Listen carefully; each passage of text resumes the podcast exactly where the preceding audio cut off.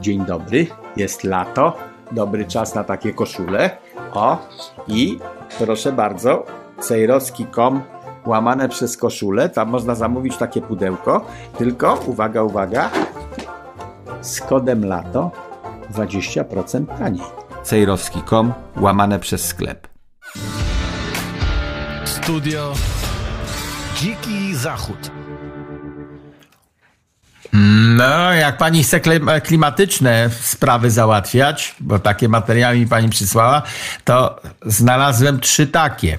W kościele świętej Brygidy w Gdańsku. Będę tam z grubsza niedaleko Brygidy stał na jarmarku dominikańskim i dlatego to zwróciło moją uwagę, a do Brygidy chodzę na mszę poranną przed jarmarkiem. No i na kościele świętej Brygidy w Gdańsku umieszczono panele fotowulkaniczne, ja o nich mówię. E, Panele foto. E, Na innym kościele też w Gdańsku ukształtowano krzyż z tych paneli. I mieszkańcom to się nawet podoba. Tylko, że mieszkańcy nie czytają jednym tchem doniesień takich, że już jeden kościół w Polsce spłonął akurat w Sosnowcu. Od tych paneli prokuratura zrobiła śledztwo 21 czerwca. Był pożar w Sosnowcu i to kościół świętego Floriana i to jest patron od pożarów który ma gasić pożary, patron od służb przeróżnych. Zainstalowano te panele na dachu świątyni i ona została doszczętnie zniszczona. Gra, e, dach grozi zawaleniem, coś tam powynosili ze środka, ale jak ten dach gruchnie, być może kiedy wypowiadam te słowa, to już tam spadło wszystko na dół, to jest po kościele. E, więc mieszkańcom w w Gdańsku się nawet spodobały te panele na kościele, natomiast e, czemu się na zabytku instaluje takie rzeczy? Brygida to jest zabytek po- podniesiony z gruzów przez księdza Jankowskiego w tam w 70 latach. Do tego został wyznaczony jako ksiądz budowlaniec. No potem wylądował jako ksiądz stoczniowiec, ale y, jego pierwotne zadanie to chyba Wyszyński go tam wyznaczył do tej roboty, to było odbudować zabytek. I odbudowany zabytek i na zabytku instalujemy coś. Mnie się nie podoba sam fakt, że na zabytku, na dachówkach, które mają przypominać średniowieczne, coś tam nakładamy nowego. To mnie się to estetycznie nie podoba. No, a mieszkańcom Gdańska się podoba. Natomiast powinno się nie podobać ze względu na zagrożenie pożarowe. Dzisiaj rano znalazłem informację z Polski, tam sprzed godzin, Tragedia u moich sąsiadów. E, Młodzi mieli się w czwartek wprowadzić do nowego domu. Dziś przeszła burza nad nami, piorun uderzył w instalację fotowoltaiczną na dachu, pożar gaszą zastępy strażaków ochotniczych i tak. To się pali. Te instalacje się palą horrendalnie, tak jak widzieli Państwo y, samochody elektryczne, które się palą i to niczym się nie daje zgasić, trzeba tylko pilnować, żeby się pożar nie przeniósł w inne miejsca. Elektryczny samochód można by jeszcze podnieść jakimiś szczypcami i wsadzić do specjalnego kontenera pełnego wody po to, żeby się palił pod wodą. Czyli żeby się nie rozniósł pożar, ale nie sposób tego zgasić. Fotowoltaika płonie. Są zdjęcia, jak jest za gorąco, to płonie. Jak jest za gorąco i za dużo słońca, nie produkuje prądu, bo się przegrzewa i przestaje działać. Jak jest za zimno i za ciemno, to też nie produkuje prądu. No to, to, to nas prowadzi do tematu tego klimatycznego, że odpowiedzią naszą na zagrożenie klimatyczne jest y, fotowoltaika instalowana wszędzie, a ona nic nie załatwia i jest y, wysoce niepewna, no bo jak za zimno albo za ciemno nie działa, jak za gorąco to trzeba zgasić i najlepiej byłoby przykryć albo polewać wodą, żeby się nic nie stało. A w tym czasie elektrownia węglowa sobie kopci, to możemy nakręcić filterek na kominek i wzmocnić, polepszyć technologię spalania węgla wewnątrz piecu, żeby było, pieca, żeby było bardziej wydajniej, żeby tam wszystko w tym piecu zostawało, z popiołami sobie damy radę.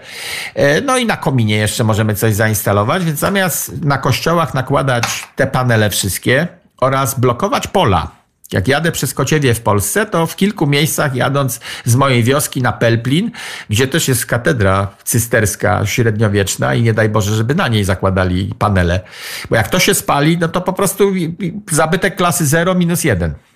Minus jeden zabytek klasy 0. Jak to się spali. A to się zapala samo z siebie z gorąca. No to jeżeli sekta klimatyczna mówi, że klimat się ociepla, robi się zbyt gorący i my też zauważamy, no, że w tym roku jest bardzo gorące lato, to wniosek nasz powinien być taki, skoro przydarzają się takie gorące pogody i dużo słońca, to nie instalujmy tego ścierwa na dachu zabytków. Bo jak się przydarzy za rok kolejne gorące lato, to wzmacniamy zagrożenie pożarowe zabytku klasy zero. To na zabytkach może i tak, ale na polach, czy no nie da się już teraz odejść od tego miksu energetycznego i tutaj przejdziemy tak Dlaczego? naprawdę do głównego tematu. No właśnie dlatego, że Unia Europejska nam na to nie pozwala. Y, Minister klimatu... Ale to można się Anna- wypisać z Unii. A, to można zawsze, ale może najpierw podyskutujemy Albo o tym, co można zrobić weto. w ramach. No właśnie, i takie weto... Albo można powiedzieć weto, albo można powiedzieć, a my nie będziemy instalować. I co nam zrobicie? Z czołgami przyjedziecie instalować? A my nie będziemy. No jakby był taki trampik w Polsce jakiś, to no, no co z tym można zrobić? Może nie Trumpik, ale złożyliśmy w ten weekend zresztą. E, rozpoczęliśmy tak naprawdę taki spór z unijnym pakietem klimatycznym Fit for 55. To przekazała minister klimatu, że polski rząd złożył taką skargę do Trybunału Sprawiedliwości Unii Europejskiej. E, no i będziemy tam próbowali coś, coś dla siebie więcej wynegocjować. E, no ale tak, no ale jest, jest, jest to trudne, bo w Polsce tak naprawdę ten miks energetyczny, kiedyś czytałam sobie kilka takich większych dokumentów na ten temat, też jest trudna sprawa, bo u nas ani wystarczająco nie ma dużo tego słońca, żeby faktycznie przerzucić się na te panele fotowoltaiczne, ani też nie wieje tak wystarczająco jak w krajach na przykład skandynawskich. E, No więc y, może atom to jest takie rozwiązanie. A moje spostrzeżenie było takie. Polska idzie do sądu z Unią Europejską, ale nie idzie do sądu w Szwajcarii albo w Ugandzie. Tylko sąd jest unijny. No to na dzień dobry jesteśmy przegrani. To tak jakby Polak szedł do sądu z premierem u premiera. No jest na przegranej pozycji. No jakżeż można rozpatrywać spór jedno państwo, cała Unia w ramach sądów unijnych? Na pierwszy rzut oka podejrzane. Sąd powinien być niezawisły od obu umawiających się stron, od obu spierających się stron. Jak pani ze mną wejdzie w spór o działkę na plaży, no to ja nie chcę, żeby pani była sędzią w tej sprawie. No tak, no tak. To wydaje, wydaje, się, tak, wydaje się to być logiczne. Ja nie będę z tym, z tym dyskutować, bo tak powinno być, ale na pewno tutaj można jeszcze zauważyć jedną rzecz, bo w, gdyby było tak, że mielibyśmy polityków, którzy nie stawiają się cały czas poza tą Unią Europejską, tylko naprawdę też lobbują na rzecz Polski i też starają się w tych strukturach jakoś zaistnieć, też są na tyle sensowni, e, żeby zadbać o polskie interesy, to też może byśmy mieli nie- nieco łatwiejszą walkę w, w tych no, w ta, no, takich podwójnych standardach, bo to też e, nie da się ukryć, że Polska jest e, nieco gorzej traktowana, no ale po, podobny, podobną, nie wiem, sytuację mają Węgry, a jednak Orban potrafi zadbać o interes swojego państwa i jego politycy nieco lepiej, wydaje mi się, niż Polska. Więc ja też chciałabym, żeby No po prostu europosłowie się nie Orban mówi wykluczali nie. jako, no jesteśmy częścią tej Unii Europejskiej, tak? No tak, ale statystycznie rzecz biorąc, to mamy mikroszansę, dlatego że nawet gdyby wszyscy Polacy y, w ramach urządzeń unijnych mówili jednym głosem, to nadal stanowimy mniejszość. To, to czyli w, w demokratycznym systemie, gdzie decyzje podejmuje się na głosowaniu, nie mamy szans. To tak jak z, z małymi partiami typu Konfederacja. Ale gdyby już Oni na mogą Mhm. mieć. Oni mogą mieć program i idą z tym programem do wyborów, ale potem nie mają większości, w związku z tym nie są w stanie przeprowadzić swojego programu. Polska zaskarżyła, zacytuję to, co pani przed chwilą opowiadała. e, Polska zaskarżyła do Unijnego Trybunału Sprawiedliwości jedną z klimatycznych ustaw 55 o lasach państwowych. Ten punkt, i to jest nasza teza, ten punkt nie należy do kompetencji Unii Europejskiej. No i teraz, jeżeli Polska zauważyła, że ten punkt nie należy do kompetencji Unii Europejskiej, to Polska powinna kompletnie zignorować ten punkt. Po co zaskarżamy? W momencie, kiedy zaskarżamy, to uznajemy, że no wprawdzie nie ma kompetencji, ale trochę ma. I idziemy z wami do sądu. No jeżeli ten punkt nie należy do kompetencji Unii Europejskiej, to ignorujemy. To, to tak jakby jakiś Maciuś we Francji powiedział, że w Warszawie ma być inny bruk. No niech se mówi. ale on nie ma kompetencji wymiany bruków w Warszawie, w związku z tym ignorujemy to, co powiedział. Komisja Europejska czy coś tam, Unia Europejska nie ma kompetencji w sprawie lasów państwowych w Polsce, no to nie gadamy z nimi o tym. A jak zaczniemy gadać, to już uznaliśmy ich kompetencje. Dziękuję za subskrypcję mojego kanału na YouTubie i dziękuję za to samo na Rumble. To zgoda, to zgoda, ale jeszcze chciałam wrócić do tego poprzedniego punktu, no bo pan mówi o tym, że nawet Aha. gdybyśmy my wszyscy tutaj jako Polska mówili jednym głosem e, gdzieś na, w, w, tym, w tym Teatrze Unii Europejskiej, no to Dlaczego pytanie? Bo przecież przeciwko temu e, całemu Fi- Fit for 55 były i Węgry, i chyba e, Litwa, e, i Słowacja, tak naprawdę w ogóle kraje Europy, Europy, Europy Środkowo-Wschodniej. No moglibyśmy się dogadać, wtedy już bylibyśmy dużą częścią, gdybyśmy pomyśleli o w, w, Tak, w takich nadal kategoriach. mniejszością. Nadal mniejszością, ale też Włochy też przecież by- były przeciwko. A, a być może jak Włochy, to jeszcze udałoby się przekonać kolejnych. No to też na tym polega jakby polityka i lobbowanie, żeby myśleć w takich, w takich kategoriach. Wtedy, bo jeżeli Polska cały czas No, będzie się ale- wykluczać i cały czas być tylko w tym sporze i mówić, że no, cały czas ta Unia Europejska uderza, uderza w Polskę, uderza w nas i wszyscy są przeciwko nam, a nie będziemy szukać rozwiązań, no to tylko będziemy sprawę pogarszać. No to albo wtedy wychodźmy faktycznie z tej Unii, a jeżeli już w niej jesteśmy, to myślmy jak operować no, w tym, co mamy. No to popatrzmy na to z punktu widzenia Włoch. Jeżeli Włochy miałyby się jako państwo zaangażować w obcy spór, e, czyli jakoś osłabić swoją pozycję, no bo wchodzą w spór z krajami, z którymi mają jeszcze jakieś inne interesy i nie chcą być w sporze. Wejdą w spór z tymi, którzy popierają 55. Nie wiem, kto to jest, ale może z Niemcami wejdą wtedy w spór, staną po stronie Polski, czyli wejdą w spór z Niemcami, z którymi mają jakiś biznes, z Francją, z kimś tam, z Holandią, z którymi wszystkimi mają jakiś biznes do zrobienia. To musielibyśmy Włochy w takiej sytuacji jakoś kupić. Czyli powiedzieć, dobra, będziecie mieli trudniej w rozmowach z Niemcami i Holendrami w waszych sprawach, obiektywnie dla Włoch ważnych, ale Polska wam w związku z tym, w zamian za to, że stajecie po naszej stronie w kwestii 55, to Polska wam daje coś. A Polska nie ma co dać. No to, no to Włochy, powiedzą, na cholerę będziemy się w cudze spory angażować, w bijatykę na podwórku. Przyłączymy się do tego bijącego się gangu Polska, Słowacja i parę innych drobnych krajów i co my z tego będziemy jako Włochy miały? No, No, tylko, że nam mogą nos rozkwasić. To lepiej nie, no niech się sami biją.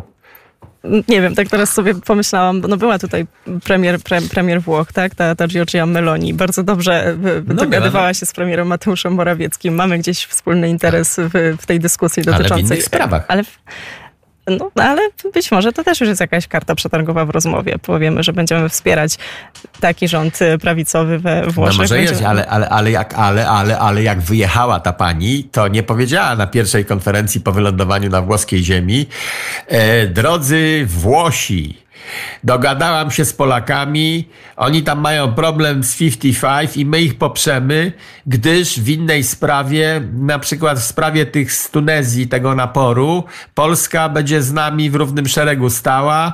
W związku z tym zrobiłam następujący interes. My ich poprzemy tu, a oni nam pomogą tam. Nic takiego pani Meloni nie ogłosiła po powrocie. No nie Z ogłosiła, tego bo- wniosek, że poznali się z Morawieckim, ale niczego nie załatwili konkretnego. No tak, i to y, być może jakaś nauka na przyszłość, że, że, że warto też o takie rzeczy, e, o takie rzeczy zadbać. E, No i tak e, spoglądam teraz, albo jeszcze jeden utwór, albo możemy przejść do kolejnego Nie, tematu. zaraz będzie jeszcze jeden utwór, tylko pani coś przeczytam o kontrolerach w Polsce. To oni też tam częściowo spełniają wymogi unijne. Otóż kontrolerzy wykryli nieprawidłowość, niesprawność jakąś w 60% pojazdów miejskich. Autobusy miejskie chodzi. W niektórych miastach 60% się nie kwalifikuje tych autobusów miejskich. No i w mojej ocenie jest tak.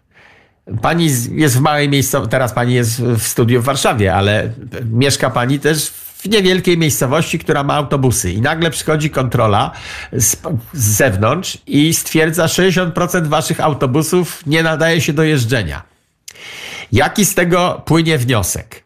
Wniosek najbardziej wulgarny, prosty, prostacki nawet jest taki, że 60% autobusów w jakiejś miejscowości trzeba zatrzymać.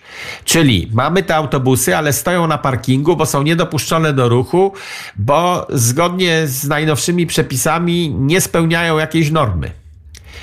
A odpowiedź bardziej mądra byłaby taka: państwo zbiedniało, miasto zbiedniało, ma gorsze autobusy, bo się zestarzały, a nie stać nas na nowe, na unijne, nie stać nas na porządne naprawy. To co robimy? No to jeździmy gorszymi. Przy obecnych przepisach nie da się, to trzeba zmienić przepisy. Trzeba poluzować normy, bo nie stać nas na odstawienie 60% autobusów miejskich do zajezdni po to, żeby stały i rdzewiały no jeżdżą. To trzeba tylko ludziom powiedzieć, no nie spełniają takiej to a takiej normy, ale podejmujemy decyzję, że te normy są za bardzo wyśrubowane, bo ludzie potrzebują latem gdzieś dojeżdżać na plażę za pomocą autobusu. No niech on jedzie trochę wolniej, skoro jest rozklekotany, ale niech jedzie. Nie, no oczywiście, to jeszcze jest to pytanie, samo... jakie to były uchybienia, bo jeżeli to, nie wiem, była niedziałająca lampka, a te przepisy pewnie do tego stopnia są wyśrubowane, no to, no to jest, jest to absurd. Niech facet łapę wystawia przez okno, jak mu migacz nie działa. No, z samochodem osobowym. No, nie stać cię na nowiuteńki, który będzie wszystko spełniał, no to próbujesz jeździć tym, który masz i sam wiesz, że ci się telepie koło i masz luz na kierownicy, to jedziesz ostrożnie i koniec rozmowy na ten temat. Ja jeszcze starym A autem ludzie, i pełna zgoda. Ludzie by wsiadli... No, no. No, starym autem i co? Tak, no właśnie, jeżdżę starym autem i w ogóle to, to, uważam, że to jest super. Po pierwsze, jak mi się psuje, to bardzo tanio można go naprawić i prawie w każdym miejscu. I uważam, że no auto tak, ma być po to, aby nas dowieść, oczywiście w miarę bezpiecznie, ale nie, absolutnie ja jestem za tym, żeby takie autobusy były dopuszczone, jeżeli to nie jest, nie wiem, jakiś wyciek płynu hamulcowego, czy coś, co mogłoby spowodować katastrofę. katastrofę Przecież kierowca to... sam nie będzie jechał, jak mu wycieka płyn hamulcowy i on o tym wie, no to sam nie wsiądzie wsiądzie, bo no przecież zabije się, to nie wsiadam, nie jadę, no. Ale jak się drzwi nie domykają i się telepią z tyłu, to się robi naklejkę na autobusie. Ten autobus nie spełnia unijnej normy, coś tam się telepie, ryzyk fizyk, albo poczekaj na następny. Co drugi, co drugi odjeżdża w dobrym stanie, ale no 60% w gorszym. Ja miałem kiedyś u mnie w firmie pracownicę, Agnieszkę, obecnie to jest siostra zakonna Agnieszka e, i poprosiłem ją kiedyś, żeby pojechała zakupy dla firmy zrobiła e, moim autem. To a propos starych aut. Dałem jej kluczyki, a ona się strasznie bała. Mówi, szefie, ale jak coś zarysuje, nic się nie przejmuj, Agnieszka, jedź, zrób te zakupy, w ogóle się nie przejmuj. Pojechała, wróciła, coś tam było e, zarysowane i była strasznie roztrzęsiona była. No potem została zakonnicą, więc miała już takie predyspozycje do yy, wysokiej uczciwości. Doskonały to był pracownik. E, no i mówi mi, szefie, zarysowałem. Ja mówię, Agnieszka, nie przejmuj się, ale niech szef ze mną zejdzie, ja muszę pokazać palcem, gdzie zarysowałem i tak dalej. Mówi, Agnieszka, nie przejmuj się, no zarysowałaś, to będzie zarysowane, to jest stare auto, ale muszę pokazać. Zeszliśmy na dół, nie chciało mi się, no ale zeszliśmy na dół, na parking i ja zagaiłem, tam już na parkingu, mówię, Agnieszka, obejdź ten samochód dookoła, popatrz na niego i powiedz mi, która rysa jest twoja. Jak znajdziesz, to będziemy rozmawiać dalej. Agnieszka obeszła dookoła i powiedziała, szefie, nie wiem. E, dobrze jest mieć w związku z tym stary samochód, Szczególnie dla kobiety, która potrzebuje sobie polakierować paznokieć w trakcie jazdy albo usta poprawić do lusterka wstecznego w korku, bo jak coś tam puknie albo stuknie, to do mężów teraz mówię, do narzeczonych i tam do takich innych. Jedno stare auto dla twojej pani powinno zawsze być, jak jedzie na parking w Arkadii w Warszawie, gdzie jest tak ciasno, że tam nawet jak jest pusty, to trudno zaparkować, e, to takie jedno auto powinno być, któremu rysa nie zaszkodzi. To pełna zgoda. To może teraz e, ten wywód zakończymy jeszcze akcentem muzycznym. E, tak, piosenkę o mewach. O mewach. Nie chcę, żeby się zmarnowała. W zeszłym tygodniu było o ptactwie. To piosenka o mewach jest teraz i Państwo zrozumieją z treści, że o mewy chodzi. Mój dziadek sprowadzał kakao z Peru do swojego sklepu kolonialnego przed wojną. I ja robię to samo teraz. Prawdziwe kostki, bryłki, pasta pachnące, prawdziwe, bez żadnych dodatków kakao z Peru. Cejrowski.com łamane przez sklep. I pach.